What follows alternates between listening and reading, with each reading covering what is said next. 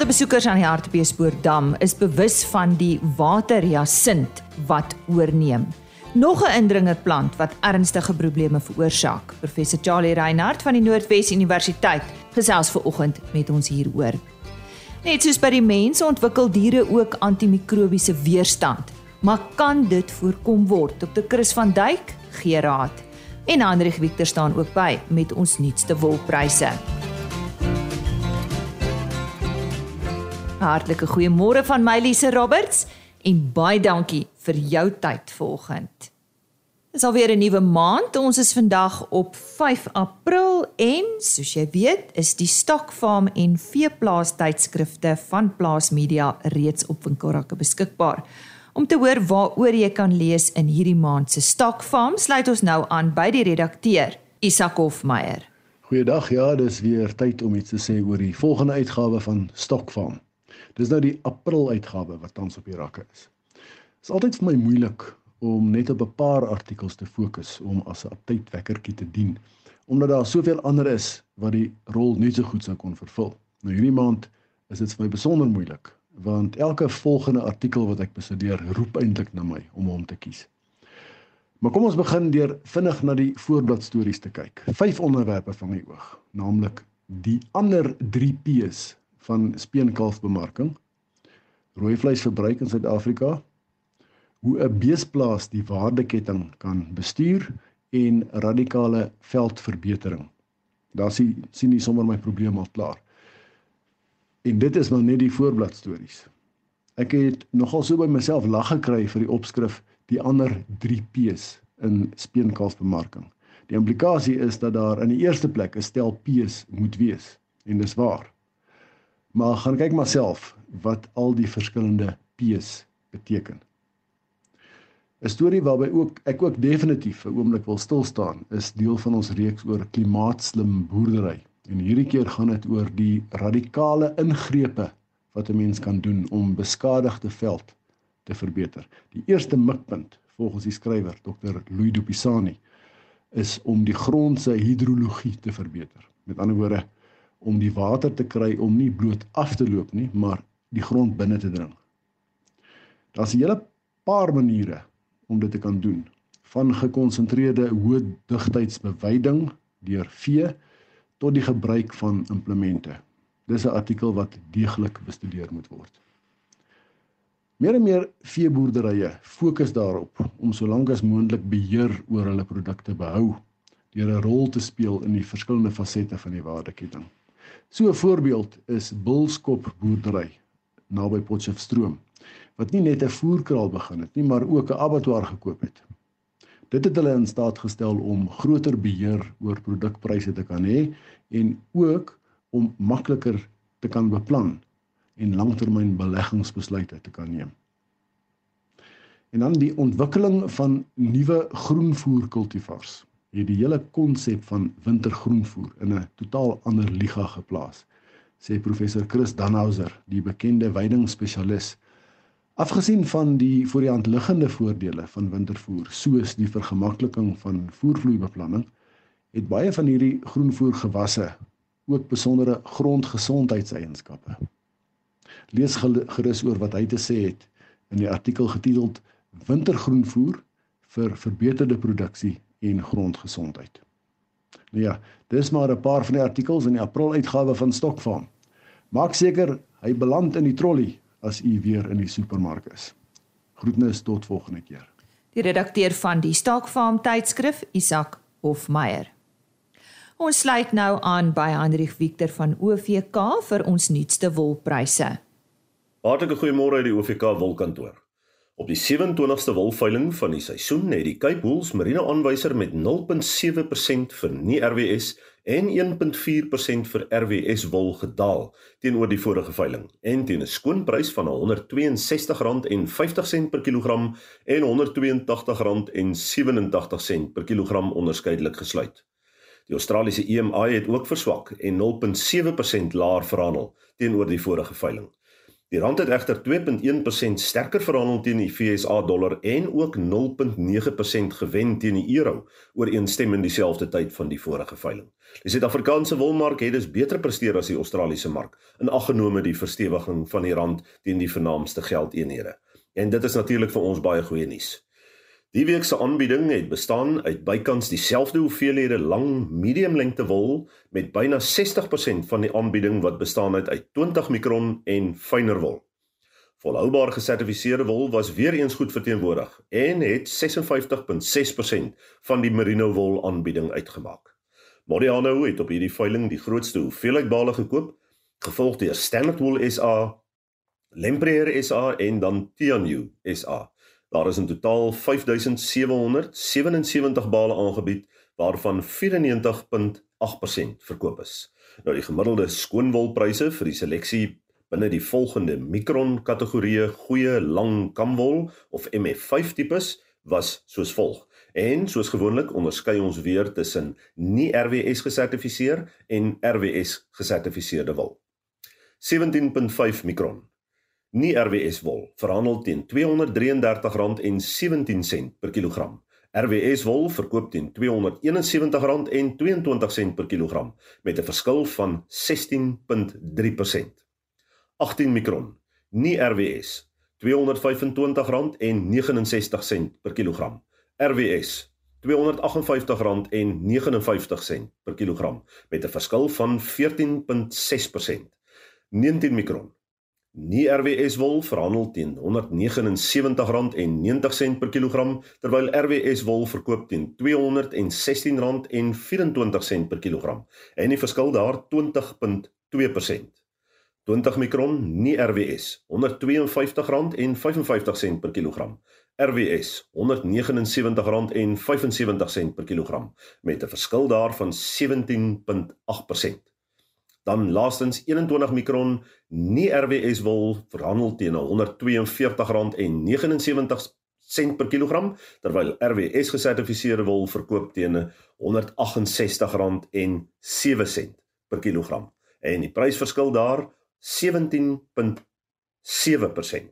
Die verskil is daar. Nou ja, dit dan ons storie hierdie week uit die uh, wolkantoor. Daar dan so 'n bietjie goeie nuus ten spyte van al die negativiteit wat in die wêreld daar buite gebeur. En ons is ook baie baie dankbaar weer eens vir die lekker reën wat in groot dele van ons produksiegebiede geval het. Die volgende wolveiling is geskeduleer vir 6 April waar sowat 7447 bale aangebied sal word. Dit dan ons storie hierdie week. Tot ons weer gesels, alles wat mooi is. Mooi loop. Ja, soos Hendrik Victor gesê het, volgende week maak hy weer so.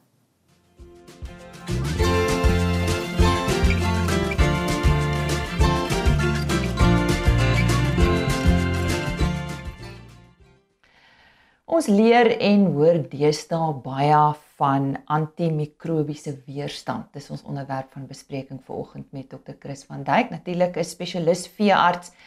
Chris, waaroor al hierdie opgewondenheid en gesels oor hierdie onderwerp? Dis ja, dit is soos jy sê is dalk opgewondenheid, maar miskien moet ou eers gaan kyk, jy weet, wat is die definisie van antimikrobiese weerstand? Jy weet in teenoor byvoorbeeld antibiotika um, antibiotika weerstand, maar antimikrobiese weerstand ontstaan wat die mikrobes, jy weet die organismes veral dan die bakterieë wat hulle ehm um, meganismes, jy weet, ehm um, deur hulle verskillende aanpassings so goed wat lê het, het hulle meganismes wat hulle kan ontwikkel wat dan uiteindelik hulle kan beskerm teen die effek van die antibiotikas. Jy weet, so ek gaan nou nie in detail daarop ingaan nie, maar daar's 'n hele klomp goed wat daar um, kan gebeur.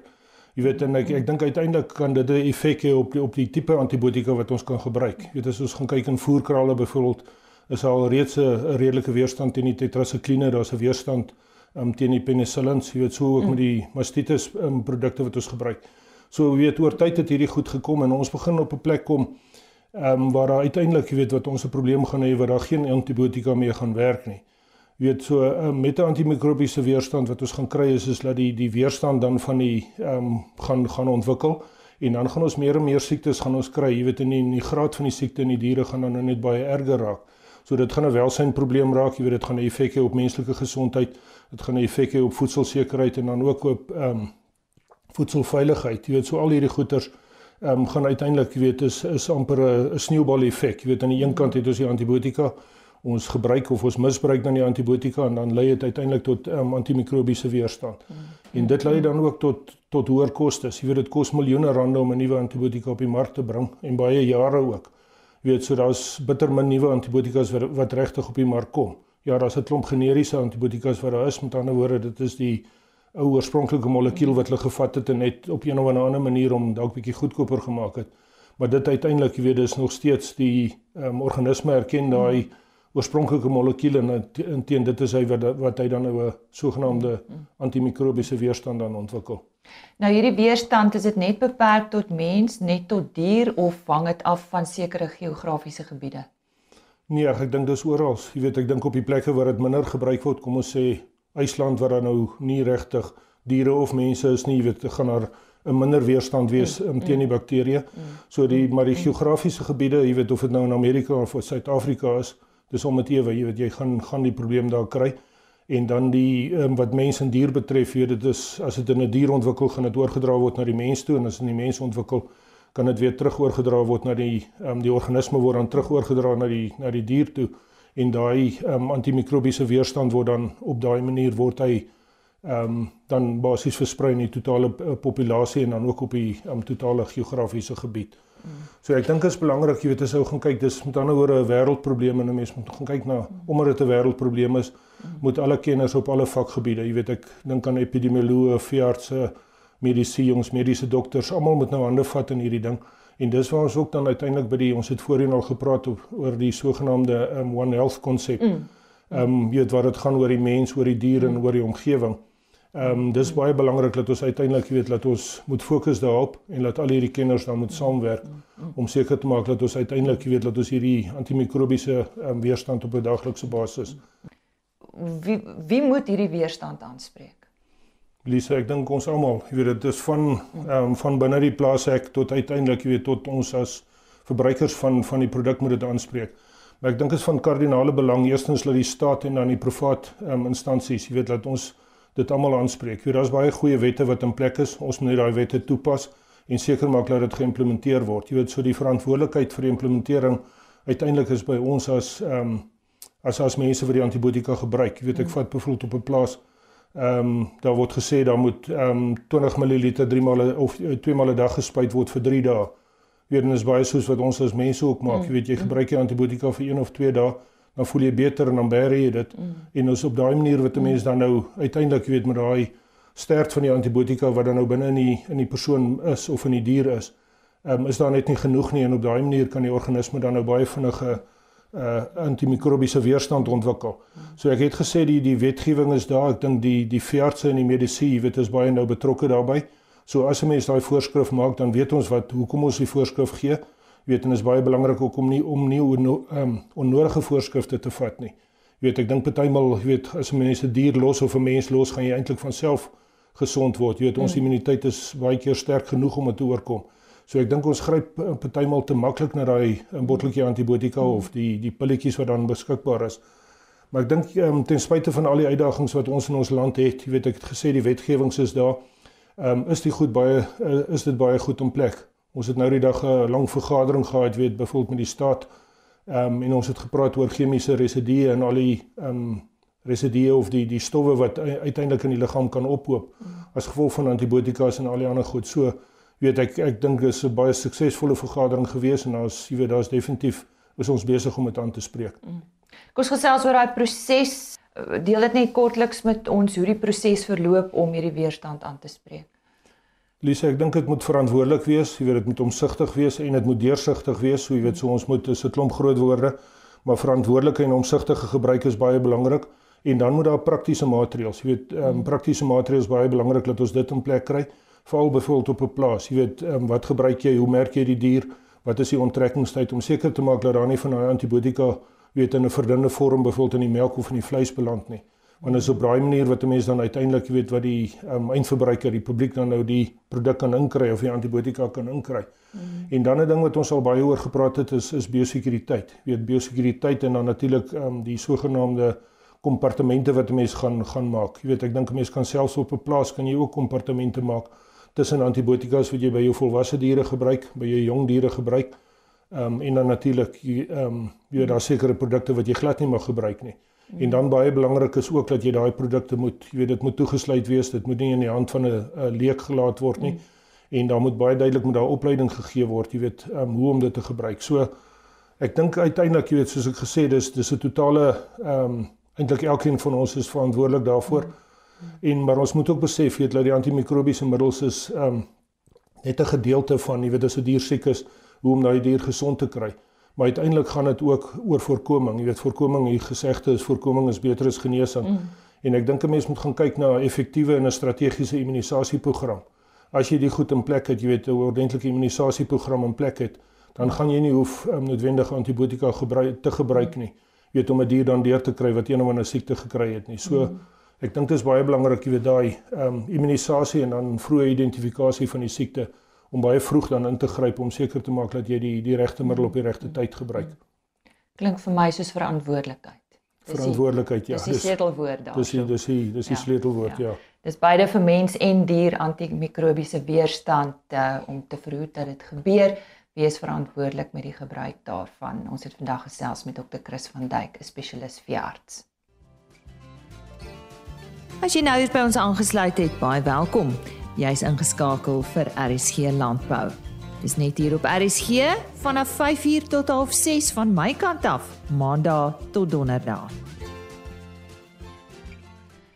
Gereelde besoekers aan die Hartbeespoortdam is bewus van die probleme met waterhaaisinte en uh, dis waaroor ons vandag gesels met ons uh, onkruid wetenskaplike uh, professor Charlie Reinhardt. Charlie, Net so 'n bietjie vinnig die geskiedenis van hierdie waterhaai ja. sint en die en die werklike impak. Ja. Aigornia crassipes is die wetenskaplike naam. Pes. Klink dit klink te gepas, ja. Aigornia verwys na die man se naam wat hom beskryf het. En crassipes verwys na die sponsagtige stamme wat maak dat hy op water kan dryf. En ehm uh, waar hy vandaan kom op rekord is 1884 die eerste keer na Suid-Afrika gebring. Sjoe. En as jy na sy blom kyk, sê jy weet waarskynlik as 'n ornamentele plant op 'n visdam of 'n akwarium. Ek het gesien dat hulle in in Europa word hulle verkoop teen 10 euro per plant. Maar daar is die die klimaat is nie geskik vir hom nie en hy gaan nie 'n indringerplant word nie. Sy oorsprong is Suid-Amerika, soos 'n subtropies, eintlik tropiese plant wat wonderlik aangepas het by ons omgewing. Hm. En jy kry hom jy weet letterlik van Limpopo tot in die suid en die Wes-Kaap. Al ons waterstelsels, uh riviere en dan ook damme is uh, erg besmet. Uh, sommige meer as ander. Hm. Nou waarom is hy 'n probleem? Hmm. Hy's 'n aanduierplant. Ek praat van aanduierplante. Ons kry dit met inheemse plante wat oormatig verdig, so swarthak en mopani selfs daardie tipe sekelbos nogal bekende wat verdig en dan dink ons dis die plante se skuld dat hulle verdig. En al die tyd is dit aanduierplante of indikatorplante van 'n probleem met ons bestuur van die omgewing. Vir daardie plante wat oormatig verdig, is dit oorbeweiding gewoonlik. Nie altyd net oorbeweiding nie, maar droogtes kan dit ook veroorsaak waar die graskomponent en die kruide, daardie komponent word verswak en dan kom die bome in. Mm, mm. So in die geval van waterjasint is dit ons waterkwaliteit wat die skuld moet kry. Gebruik bietjie hartbeespoortdam as 'n voorbeeld. Ja. Wat het wat het daar gebeur? Ja, as jy dink uh, waar kom hartbeespoort se water vandaan? Jy weet dit kom uit stedelike gebiede grootliks. Hmm. En al die besoedeling uh wat daarmee gepaard gaan. Hoë stikstof, tipies hoë stikstofvlakke, hoë fosfaatinhoud van sulke waters. Jy weet ons ons seepe wat ons gebruik in die huis bevat hoë hoeveelhede fosfaat. Mm. En dit is kos vir die waterjassen. Mm. En nou het jy 'n uh, vrydrywende plant op water. Uh, aan die kant moet sê naby die oewers kan hy sy wortels ook in die modder sit en hy kan homself anker daar. En met die vloede natuurlik word so 'n plant maklik versprei. Ek het nou met die met die vloede bietjie gereis en gesien hoe hy met die Vaalrivier afgevoer is. Soveel so dat die Bloemhofdam begin soos die Hartbeespoortdam te lyk. Mm. Nou jy sien dit natuurlik beste aan die oewers. Hang af hoe die wind ook waai. As die wind wes waai, dan voer hy die plante na die ander kant se oewer toe. Nou, 'n eienskap wat hierdie plant uh uh verduidelik hoekom hy 'n probleem is, is dat hy sy biomassa verdubbel in 10 tot 14 dae. Jo, dis 'n ja. kort tydperk. En nou kry jy van die beheer opsies om meganies te verwyder uit 'n dam byvoorbeeld op die kant te gooi en met die hoop om een of ander nut daarvoor te vind, soos om vir diere te voer of 'n veevoer of 'n kompos om te sit. Maar jy moet onthou dat so 'n plant 90% plus is water. So as daai water verdamp, dan sit jy maar met 'n relatief lae biomassa. En 'n probleem op besoedelde water waar hierdie plant op besoedelde water, kom ons neem nou maar weer die Hartbeespoortdam as 'n voorbeeld. Al daai sware metale wat deel vorm van die besoedelingsspektrum word deur hierdie plant geakkumuleer. So hy konsentreer die skadelike elemente wat in besoedelde water is word in die plant gekonsentreer. En as jy dit nou gebruik vir veevoer, dan staar jy nou weer ander probleme in die gesig. Ja. So meganiese beheer is nie 'n goeie opsie nie. Daar is chemiese beheer opsies. Hmm. Onkruiddoders soos Diquat en Terbitrin weet ons al lank al kan hom effektief beheer. Probleem daarmee is, nou wag die mense tot 'n dam absoluut krisis toestand bereik het. Jy sien. Hmm. Dan wil almal inspring en iets doen plaas daarvan dat ons van die begin af die plant in toom gehou het. Maar ons doen dit nie met plante nie. Jy sien die probleem is plante is groen. Ja. En groen spel nie gevaar vir mense nie. Ek het 'n harde taak as 'n onkruidwetenskaplike om uh, risiko by mense tuis te bring wat verbonde is aan onkruid. Want ons werk met groen goed. Maar ek dink baie mense het dalk net bloot nie die kennis ja, oor, oor wat so. is 'n onkruid ja. en wat nie. So ons ja. kan nie genoeg kennis versprei oor hierdie plante nie. Mm. So as jy nou ehm um, jy weet die dam is nou totaal oortrek so tans is klaar blyklik by Hartbeespoortdam weer 'n keer, mm. weer eens. En jy kom nou met 'n vliegtuig. Dis die goedkoopste opsie nou. Jy dien onkruiddoder toe. En die plante vrek nou suksesvol op groot skaal. Nou gaan al daai organiese materiaal in die waterstelsel. En nou kry jy gebrek aan suurstof visse gaan vrek, ander diere uh, waterlewende organismes gaan vrek as gevolg van 'n stikstoftekort en jy het nou weer sulke probleme. Uh so mens moenie wag tot die situasie. En dit geld vir alle onkruid wat vir ons probleme gee. Of dit nou op 'n boer se land is of dit 'n natuurlike omgewing is of 'n waterstelsel. Ons moenie wag tot dit krisis uh vlakke bereik het voor ons optree nie. Ons kan so baie leer by die Australiërs. Hulle het daadwerklike optrede, maar die regering is natuurlik agter al daardie beheerstrategieë. Nou waar water ja sin skadelik is, is dat hy natuurlik water gebruik. En ons weet hoe skaars is ons waterbronne. Hierdie jaar is nou 'n ander situasie, ons oor genoeg water, maar normaalweg het ons tekort aan water en hierdie plant mors water verder bedek hy die wateroppervlak en hy skep 'n situasie waar suurstof nie maklik kan oplos in die water nie. En suurstof tekort sommer net vir daai rede. Jy kry dan versuuring van water en jy kry 'n hele kettingreaksie van skadelike effekte op die ekosisteem daar.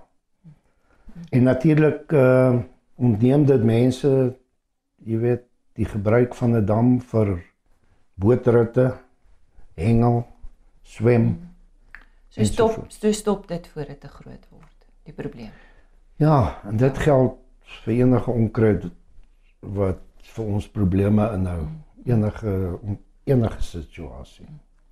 Professor Charlie Reinhardt wat onlangs in die ateljee met ons gesels het oor waterjasinte en die probleem wat talle van ons landbouers ook ervaar met hierdie indringer. Professor Charlie Reinhardt is 'n onkruidwetenskaplike. Hy is ook verbonde aan die departement agronomie by die Noordwes Universiteit en betrokke by navorsingsprojekte by die Universiteit van Pretoria. Wat verwag 'n produsent van 'n gewasadviseur? Dis een van die vrae wat gevra is tydens die onlangse CropLife SA konferensie wat in Pretoria gehou is. Ek het dit bygewoon. Hierdie was een van die besprekingssessies. Ek het na afloop van hierdie sessie met 'n graanprodusent, 'n opkomende produsent en ook 'n gewasbeskermingsmaatskappy gesels. En môreoggend skakel in om te hoor wat hulle te sê het. Ons gesels ook met Pieter Kruiven van Syngenta oor 'n paar belangrike elemente as dit uh, kom by mielieverbouing. Ek sluit af met ons e-posadres en webtuiste.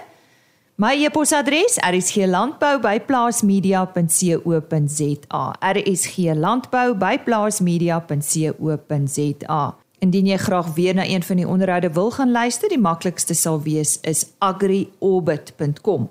Daar word die onderhoude afsonderlik gelaai en die volledige program op rsg.co.za. Tot môreoggend. Totsiens. RSG Landbou is 'n plaas media produksie met regisseur en aanbieder Lize Roberts en tegniese ondersteuning deur Jolande Rooi.